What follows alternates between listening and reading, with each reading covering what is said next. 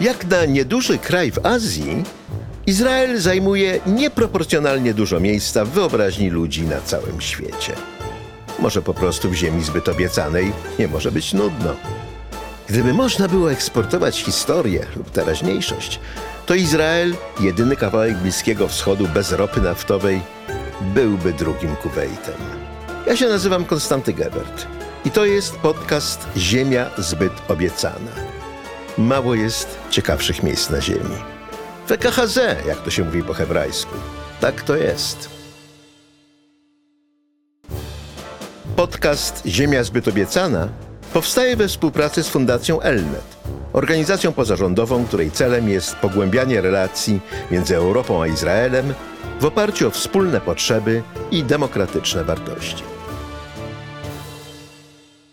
Netflix właśnie wprowadził do swojego repertuaru nowy film Golda. Jest to film biograficzny o premier Izraela Goldzie Meir, e, skupiający się wyłącznie na wojnie Jom Kippur e, w październiku 1973 roku. E, Golda była wtedy premierem. Izrael został zaatakowany niespodziewanie przez armię Egiptu i Syrii. Przez moment krajowi groziła zagłada, po czym udało się także z amerykańską pomocą wojskową w postaci sprzętu odwrócić bieg wypadków. Izrael odniósł zwycięstwo, które wymusiło potem rozpoczęcie rozmów pokojowych z Egiptem i rzeczywiście zmieniło Bliski Wschód. Ale y, tutaj, choć dramatyczne wydarzenia wojny Jom Kippur stanowią kanwę tego filmu, on skupia się na jednej osobie, na Goldzie Meir właśnie, granej fenomenalnie przez wielką brytyjską aktorkę Helen Mirren, której się za tę rolę Oscar należy. Jeżeli Oscary w ogóle czemukolwiek służą, to oddaniu publicznemu, publicznego hołdu tak wspaniałemu aktorstwu, jak to, które Helen Mirren e, w tym filmie pokazała. No, należy się obawiać, że film o izraelskiej premier i to mówiący o niej z życzliwością, z szacunkiem i sympatią nie ma szans na żadną nagrodę e, we współczesnym świecie, nawet jeżeli aktorstwo jest fenomenalne, więc boję się, że Dame Helen Mirren e, no, tego Oscara jednak nie dostanie. E, więc cieszę się, że mogę Państwu powiedzieć, że mimo braku Oscara jest to nadal aktorstwo najwyższej klasy i dla samej Helen Mirren E, warto film zobaczyć. E, niewiele natomiast, przyznam się, mogę powiedzieć dobrego e, o reżyserze, chociaż Gina Tiff jest doświadczonym reżyserem, to tu poniósł spektakularną klęskę. On właściwie dostał film. Helen Mirren zrobiła mu ten film. Jego zadanie polegało na tym, żeby film zorganizować i nie zepsuć. Wszystko właściwie, co jest tutaj e, efektem reżyserskiej interwencji, e, jest e, chybione, jest żałosne. Po pierwsze, w filmie wszyscy palą. Golda Meir oczywiście była nałogową palaczką, potrafiła wypalać trzy paczki papierosów dziennie. No i ten moment, kiedy aktor zaciąga się papierosem, czy moment, kiedy unosi się dym, no, w języku filmowym często oznacza moment dramatyczny, moment refleksji. Jeżeli jedna piąta filmu to są sceny ludzi zaciekających się papierosem, to oznacza tylko tyle, że no, wtedy ludzie dużo palili. Cały efekt zostaje zmarnowany. Y jeszcze bardziej taka łopatologiczna jest sekwencja, i tutaj nic Państwu nie, nie psuje z przyjemności oglądania filmu, bo naprawdę ten efekt po prostu nie wypala. Kiedy to na początku filmu Golda obserwuje z dachu budynku rządowego ogromne stado kosów e, fruwające w niebie nad Jerozolimą, a w jednej z ostatnich scen widzimy martwe ptaki, które się roztrzaskały o mur tego budynku. No tak, no taka metafora nadziei i klęski, no łopatologiczna, żałosna, a scena, w której Golda osaczona wyrzutami sumienia, bo wysoka liczba ofiar śmiertelnych tej wojny po stronie izraelskiej ponad 3, prawie 3000 zabitych żołnierzy, była skutkiem jej decyzji, żeby nie mobilizować, a zwłaszcza nie uderzyć prewencyjnie, po to, by zachować życzliwość Amerykanów, którzy kategorycznie tego zabronili. No i w tej scenie Gołda powalona na ziemię leży zatykając sobie uszy dłońmi, podczas kiedy z wszystkich okien wrzeszczą do niej przerażone głosy żołnierzy ginących pod zmasowanym ostrzałem syryjskim czy egipskim, to ogląda się naprawdę z poczuciem skrępowania. E, inne błędy filmu są, mają charakter bardziej techniczny. Jest scena, w której Gołda ogląda izraelską telewizję, e, a wiemy, że jest ona izraelska, no po pierwsze dlatego, że innej telewizji wtedy w Izraelu nie było, no a po drugie komentator mówi po hebrajsku, ale na ekranie pojawia się mapa z oznaczeniami po angielsku, no bo żeby widz mógł zrozumieć, co Golda widzi, tyle tylko, że telewizja izraelska nie pokazywała swoim widzom oznaczeń po angielsku, tylko oznaczenia po hebrajsku. To powiedzmy jest drobny błąd e, scenograficzny. Dużo większym błędem jest to, że jednym z ważnych elementów dramatycznych jest, e, są wizyty Gołdy w podziemnym bunkrze, tak zwanym dole e, pod Ministerstwem Obrony, z którego dowodzono operacjami. I te sceny są bardzo dobrze przygotowane i zagrane i Głosy żołnierzy, jakie słyszymy w słuchawkach, są dramatyczne i są bardzo sensownie użyte. No ale Gołda i generałowie śledzą bitwę na żywo na ogromnym ekranie. E, pół wieku temu nie było takich możliwości technicznych. No owszem, można było podwiesić kamerę telewizyjną pod helikopterem i jakby helikopter nie został zestrzelony, e, a drgania kamery dałoby się jakoś ustabilizować, no to od biedy coś można byłoby zobaczyć ale wizja wielkiego ekranu, na którym widzimy, jak jedne czołgi ruszają do przodu, inne się wycofują, strzelają do siebie, wybuchają w płomieniach, no w 1973 roku to było science fiction. To jest dość dziwne, że taki zasadniczy błąd został zrobiony, bo film miał dobrych konsultantów, ale te dziwności giną na tle tego, jak bardzo inny Izrael widzimy na tym filmie. Nie widzimy nikogo w kipie, w jarmułce, na kryciu głowy, którą noszą religijni Żydzi, no dlatego, że film rozgrywa się w rządzie i w sztabie generalnym, jedna i druga instytucja były całkowicie opanowane przez świeckich, lewicowych sionistów, którzy zbudowali Izrael i rządzili nim, no właśnie do wojny Jom Kippur. Y, a oni rzecz jasna, religijni nie byli, kip nie nosili. Dzisiaj jakikolwiek film dokumentalny nakręcony w budynkach rządowych czy w budynkach sztabu Y, pokazywałby no mniej więcej połowa mężczyzn nosi kipy. Y, trudno byłoby nakręcić jakąś sekwencję, w której nie byłoby przerwy na modlitwę, w której ludzie nie przywoływaliby imienia Bożego i nie cytowaliby y, pism świętych na dowód słuszności tego, co mówią. Nic z tego nie istnieje w filmie Golda. E, I zasadnie to był inny Izrael, świecki, lewicowy Izrael, e, który poniósł fundamentalną klęskę w wojnie Jom Kippur. Dla tych z Państwa, którzy mogą nie znać szczegółów tej sytuacji, e, wojna Jom Kippur i tego niestety film nie wydobywa, a szkoda, bo to byłby fantastyczny element dramatyczny. Wojna Jom Kippur zdarzyła się z dwóch powodów. Po pierwsze, dlatego, że wywiad wojskowy e, nie chciał uwierzyć e, w informacje agenta Mossadu, e, bardzo wysoko postawionego w Egipcie, który twierdził, że wojna wybuchnie. Wywiad wojskowy był zdania, że wojna nie wybuchnie, a co więcej, E, miał środki techniczne, miał podsłuch na liniach komunikacyjnych egipskiego sztabu generalnego, więc oczywiście wiedziałby, gdyby Egipcjanie szykują wojnę, tyle tylko, że i tego to nigdy nie zostało wyjaśnione, e, już to z powodu defektu technicznego, już to z powodu ludzkiej głupoty, e, te urządzenia podsłuchowe nie włączyły się w tych decydujących godzinach przed wybuchem wojny.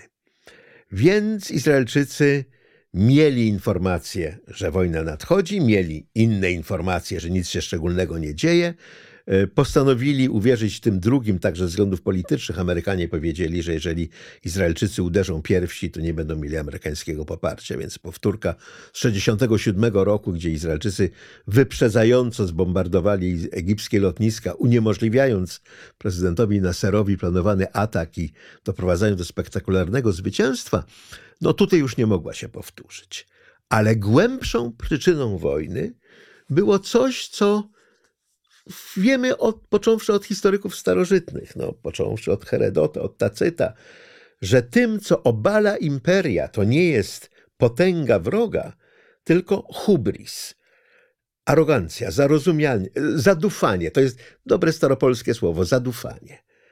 Otóż sztab izraelski po, tej spektak- po tym spektakularnym zwycięstwie w wojnie sześciodniowej wypracował tak zwaną koncepcję, po hebrajsku to się nazywa ha-koncepcja, która mówiła, co następuje.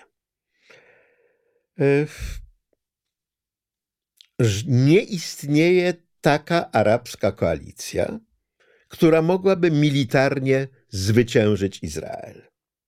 Więc tym bardziej żadne arabskie państwo nie będzie próbowało w pojedynkę, a więc wojny nie będzie.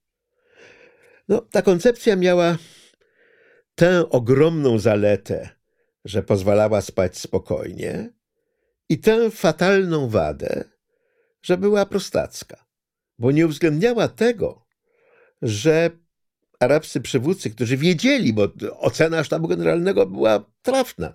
Nie, nie było takiej kombinacji sił arabskich, która mogłaby zwyciężyć Izrael, pokonać go, zepchnąć do morza ale że mógł arabski przywódca chcieć nie całkowitego zwycięstwa, ale choćby początkowego. Tego, żeby przez dwa dni móc pokazywać swojemu społeczeństwu, jak tym razem Izraelczycy uciekają przed Arabami, a nie na odwrót. Tego, żeby móc się pochwalić wyzwolonymi kilkudziesięcioma kilometrami kwadratowymi arabskiej ziemi, nawet jeżeli i tak się wojnę przegra. Tego H-koncepcja nie uwzględniała, a taki był cel Sadata. Sadat, pre, ówczesny prezydent Egiptu, wiedział, że nie wygra wojny z Izraelem, ale wiedział, że początkowe zwycięstwo arabskie umożliwi mu to, o co mu naprawdę chodziło, czyli rozmowy z Izraelem i zawarcie z Izraelem pokoju. Nie mógł negocjować z Izraelem z pozycji przywódcy państwa, które Izrael pokonał. Potrzebował tego zwycięstwa pierwszych dni po to, by móc negocjować z Izraelem jako równy z równym. Tego koncepcja nie przewidziała, a więc nie przewidziała wojny. E, I cały ten, to dramatyczne zadufanie e, umknęło e, realizatorom filmu Golda, chociaż no, uczciwie trzeba powiedzieć, że czepianie się, że czegoś w filmie czy w książce nie ma, mogłoby być, to jest najgłupszy rodzaj krytyki, bo pojemność filmu i pojemność książki zawsze są ograniczone. Ja po prostu osobiście bardzo żałuję, bo wydaje mi się to lekcją ponadczasową, e, która wychodzi dużo dalej niż historia Izraela czy historia izraelsko-arabskiego konfliktu. E, to natomiast, co film pokazuje znakomicie, to po pierwsze coś, co było skrywaną, skrzętnie skrywaną e, tajemnicą izraelską, to, że generał Moshe Dayan, e, który był zdania, że nie należy mobilizować, bo nie należy prowokować Egipcjan, e, przeżył w pierwszych dniach wojny absolutne załamanie nerwowe. Był przekonany, że Izrael polegnie w tej wojnie i uważał, że należy użyć broni atomowej, żeby Izrael ocalić przed ostateczną klęską. Dajan rzeczywiście przeżył ogromny kryzys e, psychologiczny, załamał się. E, na zebraniu, na posiedzeniach rządu mówił tylko o tym, że klęska jest nieuchronna i że tylko broń atomowa może nas uratować. po czym pozbierał się do kupy głównie pod presją Goldy Meir, która mówiła, może ja po prostu nie mogę mieć ciebie w rozsypce. No. Tu musisz się pozbierać, bo jesteś moim ministrem obrony i ja cię potrzebuję.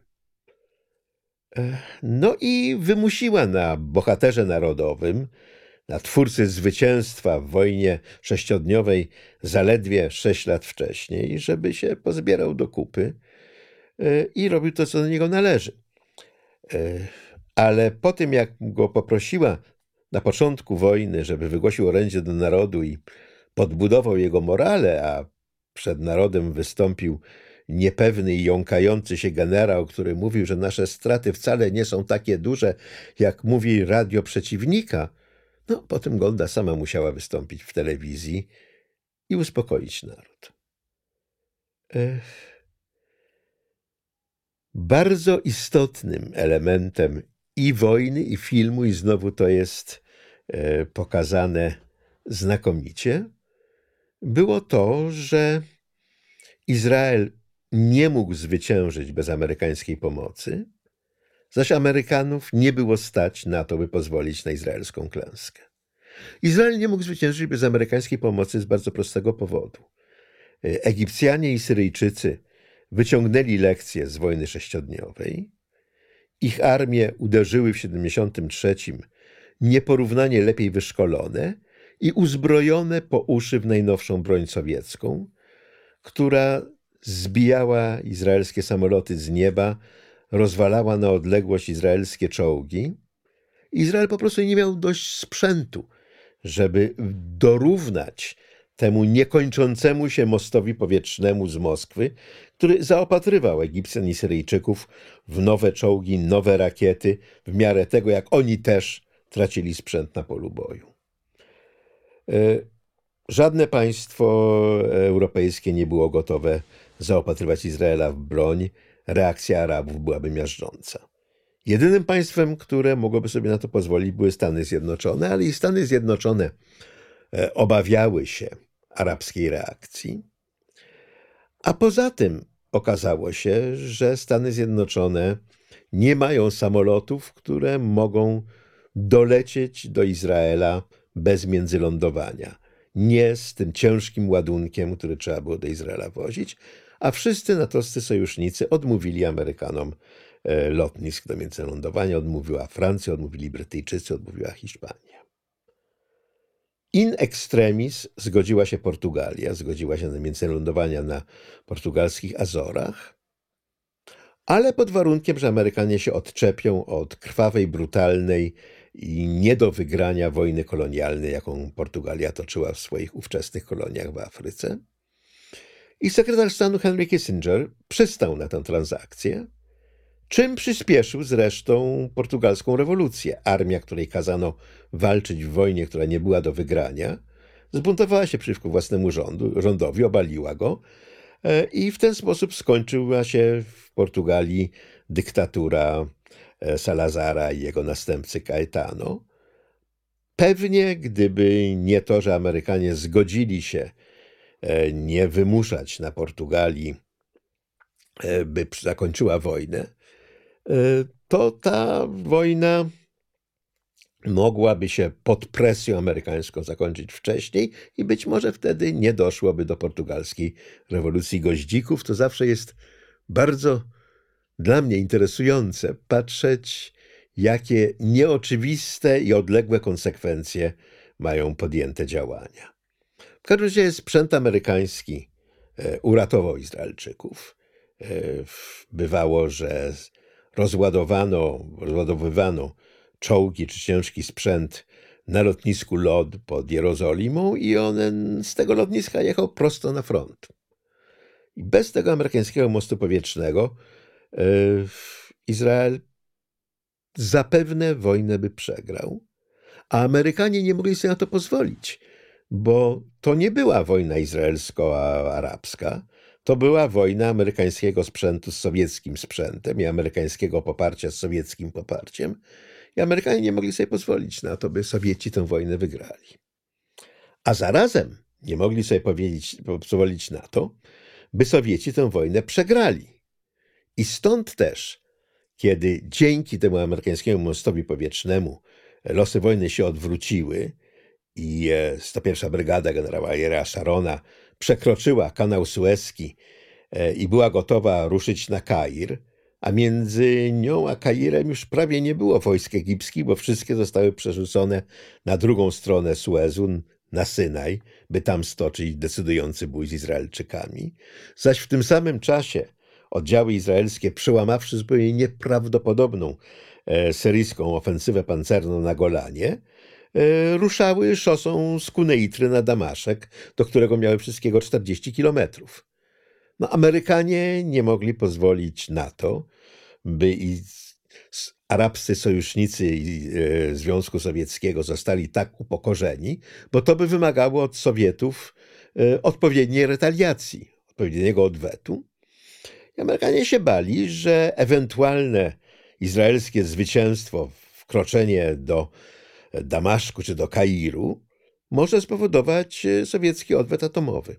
Stąd też Amerykanie z jednej strony musieli swoich izraelskich sojuszników wspierać, a z drugiej strony ograniczać. I tę funkcję spełniał po mistrzowsku e, Henry Kissinger, e, sekretarz stanu, który miał dodatkowo tę trudność, że prezydent Nixon wtedy był no już w, w czasie, kiedy afera Watergate całkowicie pozbawiła go moralnego prawa do sprawowania władzy i Nixon w ogóle już nie, nie, zajmował światem, tylko aferą Watergate i, i piciem whisky i właściwie polityką amerykańską rządził Kissinger.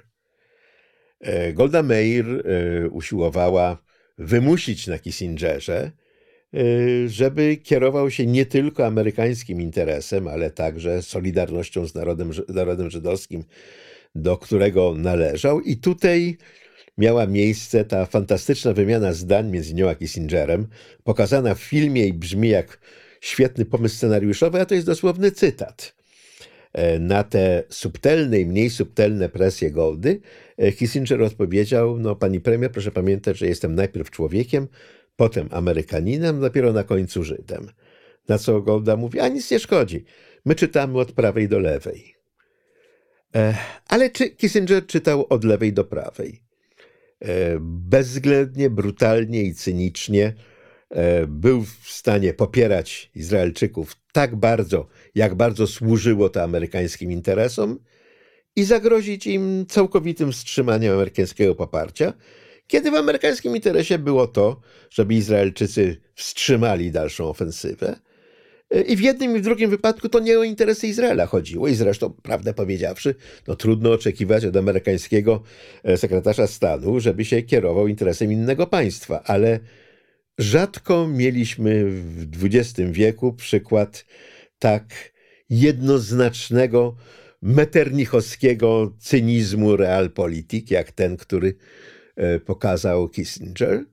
I Golda Meir doceniała, że znalazła w Kissingerze no, nie sojusznika, ale godnego sparring partnera. Jest zresztą fantastyczna scena, bardzo Państwu polecam e, zwrócenie bacznej uwagi na nią, kiedy dochodzi do pierwszego spotkania e, Goldy z Kissingerem w trakcie wojny. Golda dzwoniła do Waszyngtonu, rozmawiała z nim, oni się znali przecież od lat, ale Kissinger po rozmowach w Moskwie przyleciał do Jerozolimy na, na rozmowę z panią Goldą Meir. E, Golda go przyjmuje w saloniku, przedstawia mu swoich najbliższych współpracowników, e, szefa sztabu, ministra obrony, e, dowódcę wojska. Po czym mówi panowie i tak delikatnie podnosi jedną powiekę. I ten ruch powieką wymiata wszystkich z saloniku i Gołda przystępuje do rozmów z Kissingerem cztery oczy. Zagrać to to jest mistrzostwo. Helen Mirren to się udało. I trzeba pamiętać też, by w pełni docenić mistrzostwa Helen Mirren, że ona gra w, no w jakby dodatkowym kostiumie, w tych wszystkich rekwizytach, które zmieniają jej wygląd, e, które marszczą jej skórę na twarzy i na szyi, wydłużają nos, e, dają jej słoniowe nogi. Golda była ciężko chora. E, I te wszystkie rekwizyty Helen Mirren nosi, mało tego, nosi tak, że wyglądają absolutnie naturalnie, mało tego, te rekwizyty grają. Naprawdę wierzymy, że Helen Mirren jest starą, schorowaną kobietą. I to ten obraz wzmacnia fantastyczna rola drugoplanowa e, asystentki, opiekunki Gołdy, e, która no, pilnuje, żeby Gołda brała lekarstwa, e, myje jej włosy, stara się ukryć przed nią, że na skutek radioterapii Golda Meir chorowała na limfomę, która miała ją powalić w 1978 roku. Wypadają jej włosy. Ta relacja dwóch kobiet, jednej potężnej, ale starej i słabej, a drugiej, no, asystentki, ale młodszej i, no i silnej za, za, za nie dwie. E, jest bardzo wzruszająca i ta, jest to rola drugoplanowa, która też zasługuje na stosowne wyróżnienie. E, film pokazuje, jak bardzo ograniczony był Izrael w swoich możliwościach, no bo e, bez amerykańskich dostaw broni Izrael nic by nie zrobił. Jeszcze jedną z konsekwencji wojny Jom Kippur był dramatyczny rozwój izraelskiego przemysłu zbrojeniowego, żeby już nigdy więcej nie być tak uzależnionym od sojusznika. A to zaś spowodowało, że Izraelczycy weszli w ostry konflikt z Amerykanami, którzy są największym eksporterem broni na świecie. I między innymi e, fantastyczny projekt izraelskiego myśliwca Lawi e, został, e, ukręcono mu łeb w Izraelu, bo Amerykanie powiedzieli, że ten model będzie konkurował z ich F-16. Oni sobie tego nie życzą, no bo oni chcą sprzedawać F-16 na całym świecie. I w ten sposób Lawi, który zdaniem ekspertów był lepszym projektem niż F-16, oczywiście nie będziemy tego wiedzieli, dopóki prototypy nie zaczęłyby latać, y, został ukatrupiony, bo y, produkowanie nowoczesnego samolotu jest czymś tak kosztownym, E, że ma to sens tylko wtedy, jeżeli są zagwarantowane rynki eksportowe. A Amerykanie powiedzieli Izraelczykom, że gwarantują im, że nie będą mieli żadnych rynków eksportowych, bo Amerykanie chcą tam eksportować swoje F-16. Znowu przykład takiego e, nieoczywistego, odległego skutku wcześniej podjętych działań.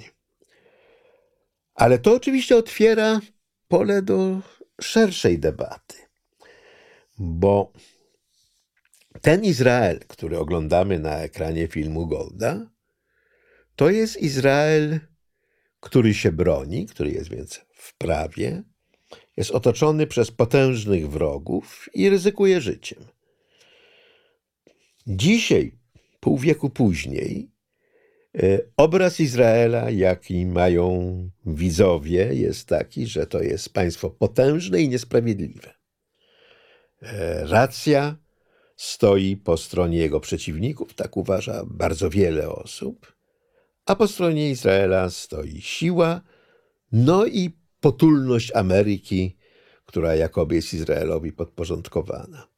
E, ten obraz jest bzdurny, ale nie chodzi o dzisiejszą polemikę, tylko o to, jak ludzie wychowani w takim obrazie Izraela będą odbierali ten obraz Izraela, jaki wynika z filmu Golda. I to może być szok poznawczy, e, no trzeba powiedzieć, że bez żadnej wątpliwości należało mieć nadzieję, że Izrael zwycięży w tej wojnie, bo słuszność była po jego stronie. E, być może w nieuchronnych debatach, jakie wybuchną wokół tego filmu, bronić Izraela będzie łatwiej, jak się będzie mówiło, no tak, to był ten fajny, dobry Izrael, ten lewicowy, świecki, aszkenazyjski. E... Ale Izraela tak się nie da posegmentować. E, ten dobry, świecki, aszkenazyjski Izrael istnieje nadal, choć w defensywie, a ten nacjonalistyczno-religijny i bardziej lewantyński Izrael zwyciężył w wojnie Jom Kippur. Już wtedy Aszkenazyjczycy stanowili mniejszość ludności Izraela, a być może największą różnicą jest to, że tamten Izrael był malutki. Wszystkiego 3,5 miliona mieszkańców. E, z zawrotem głowy od sukcesów, bo oto powiększył swoje terytorium ogromnie na skutek wygranej w 1967 roku wojnie, powiększył o Golan, zachodni brzeg, Synaj, cały wspaniały, wielki Synaj, ale malutki.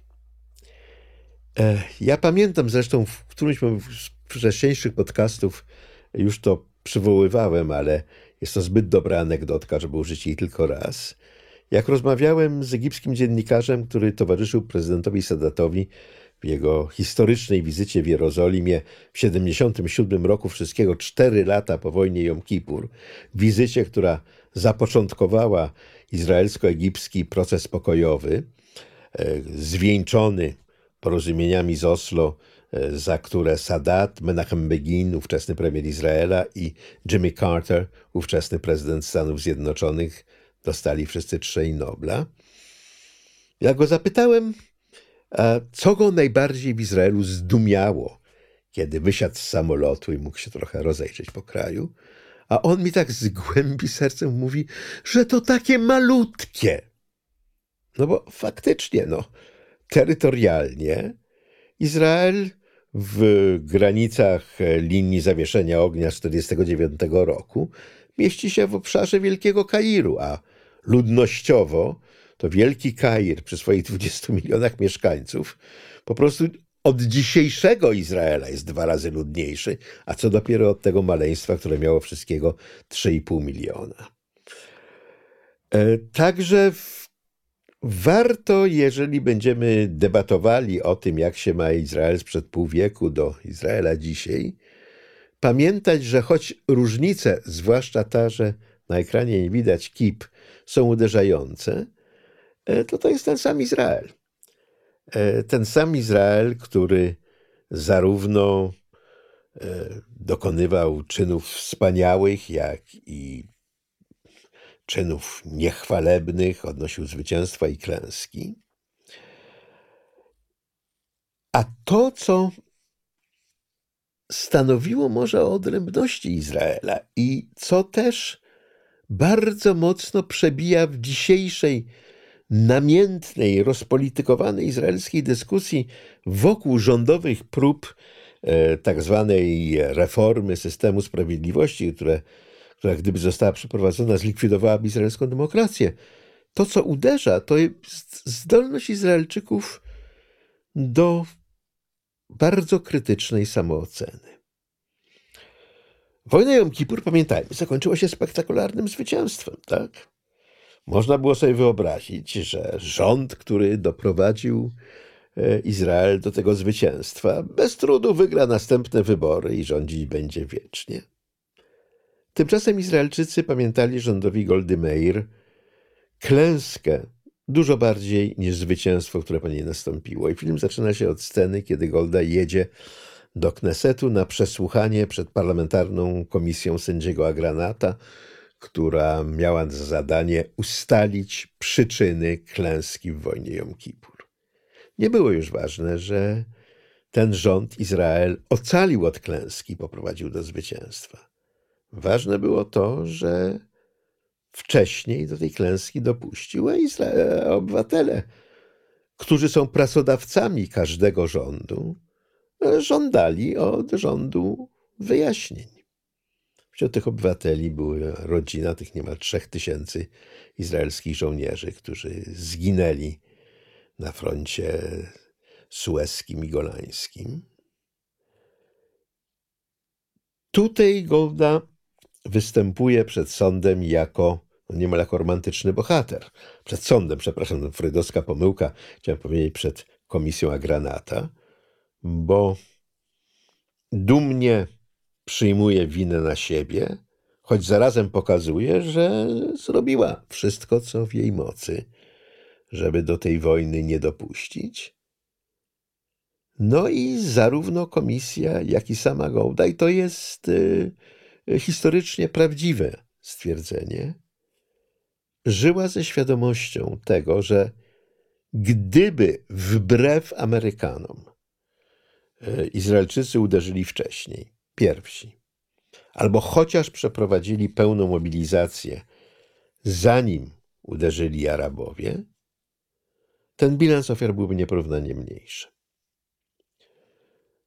Więc Goda wiedziała, że ci zabici ciążą jej na sumieniu, co reżyser chciał pokazać w tej artystycznie fatalnie nieudanej scenie, kiedy ginący żołnierze krzyczą do niej z czterech stron jej pokoju, a ona leży na podłodze i zatyka uszy.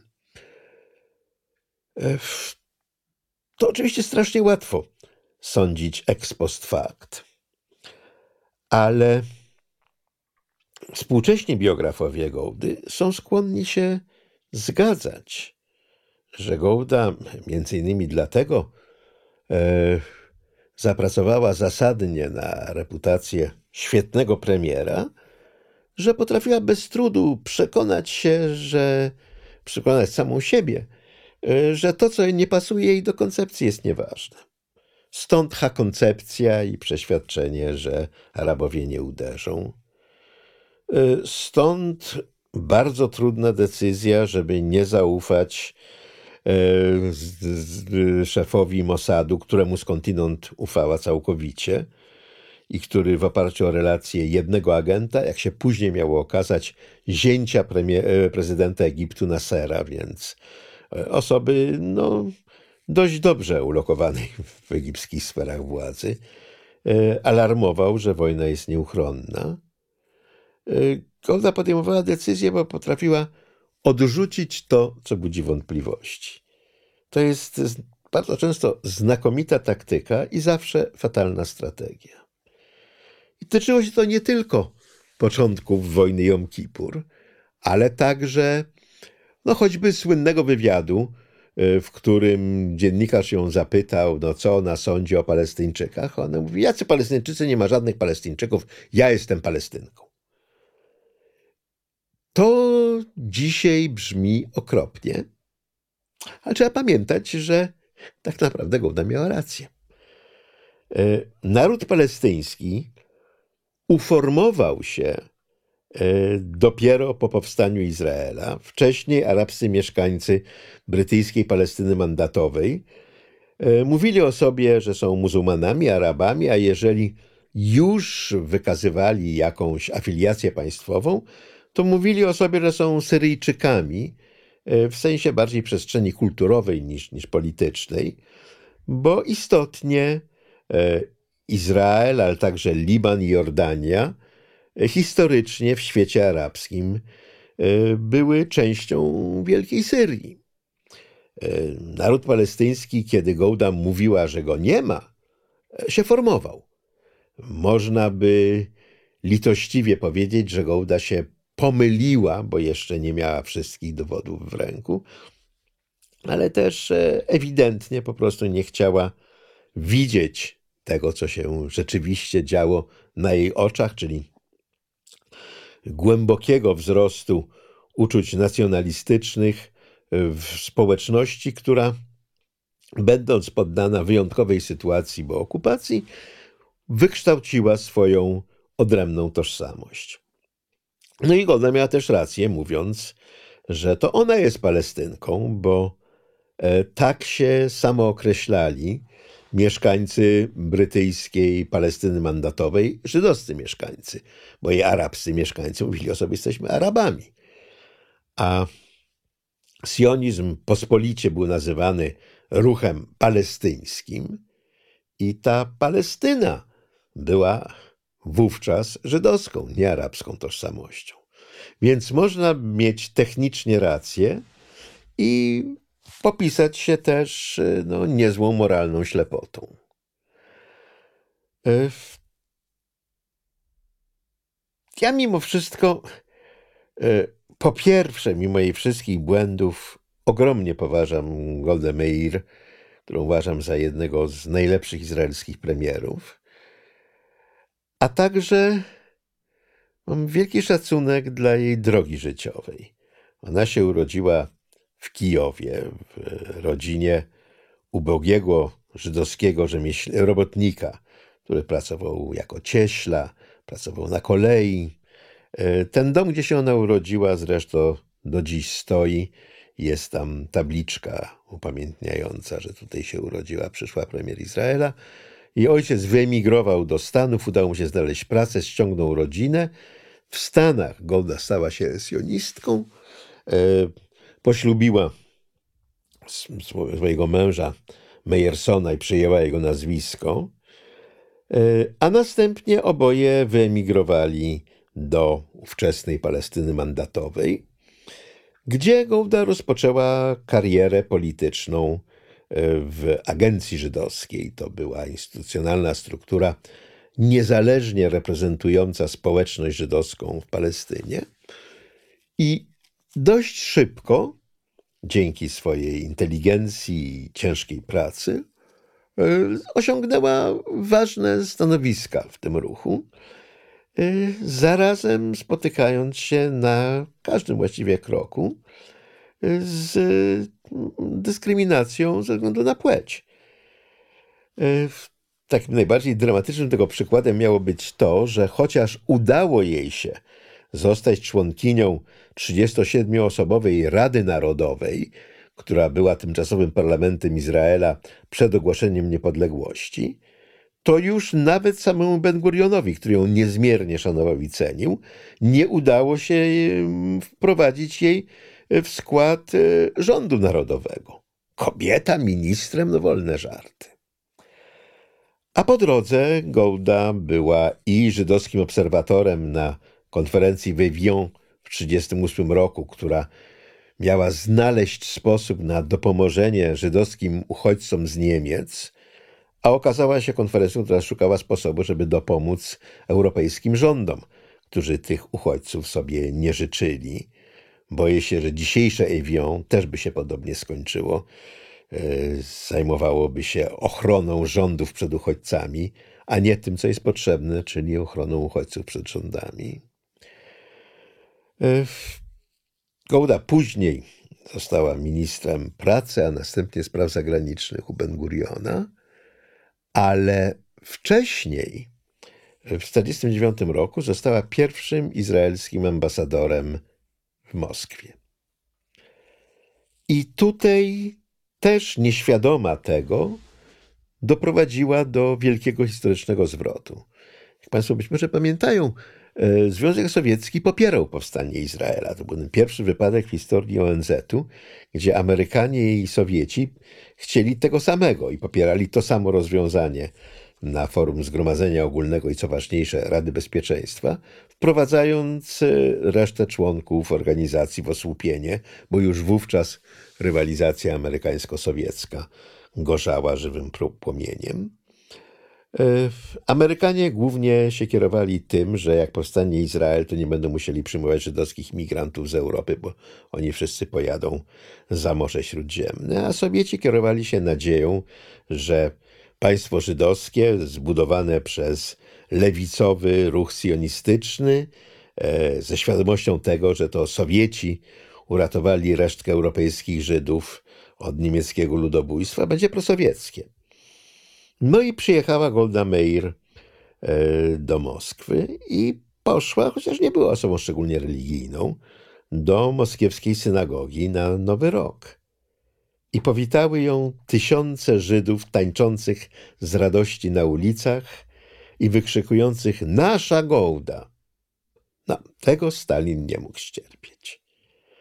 E, gdyby on zdecydował, że chcemy mieć demonstrację publicznego poparcia dla nowej ambasador nowego państwa i rozkazał, żeby 50 tysięcy Żydów tańczyło na ulicach i śpiewało nasza gołda, no to byłoby 50 tysięcy Żydów. Jakby zabrakło Żydów, to by się z nieżydów dobrało, tak?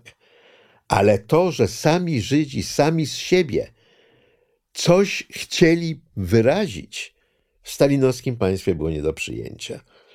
I Gołda, nieświadoma tego, że, że, że to właśnie robi, no, zbudowała podstawy do dramatycznego zwrotu e, w polityce stalinowskiej od poparcia dla Izraela do pełnej wrogości wobec niego, a zapłaciła za to między innymi żona Mołotowa, Polina, która na jakimś przyjęciu podeszła do Gołdy i powiedziała ich dorbi na jidysze tochter, ja też jestem żydowską kobietą.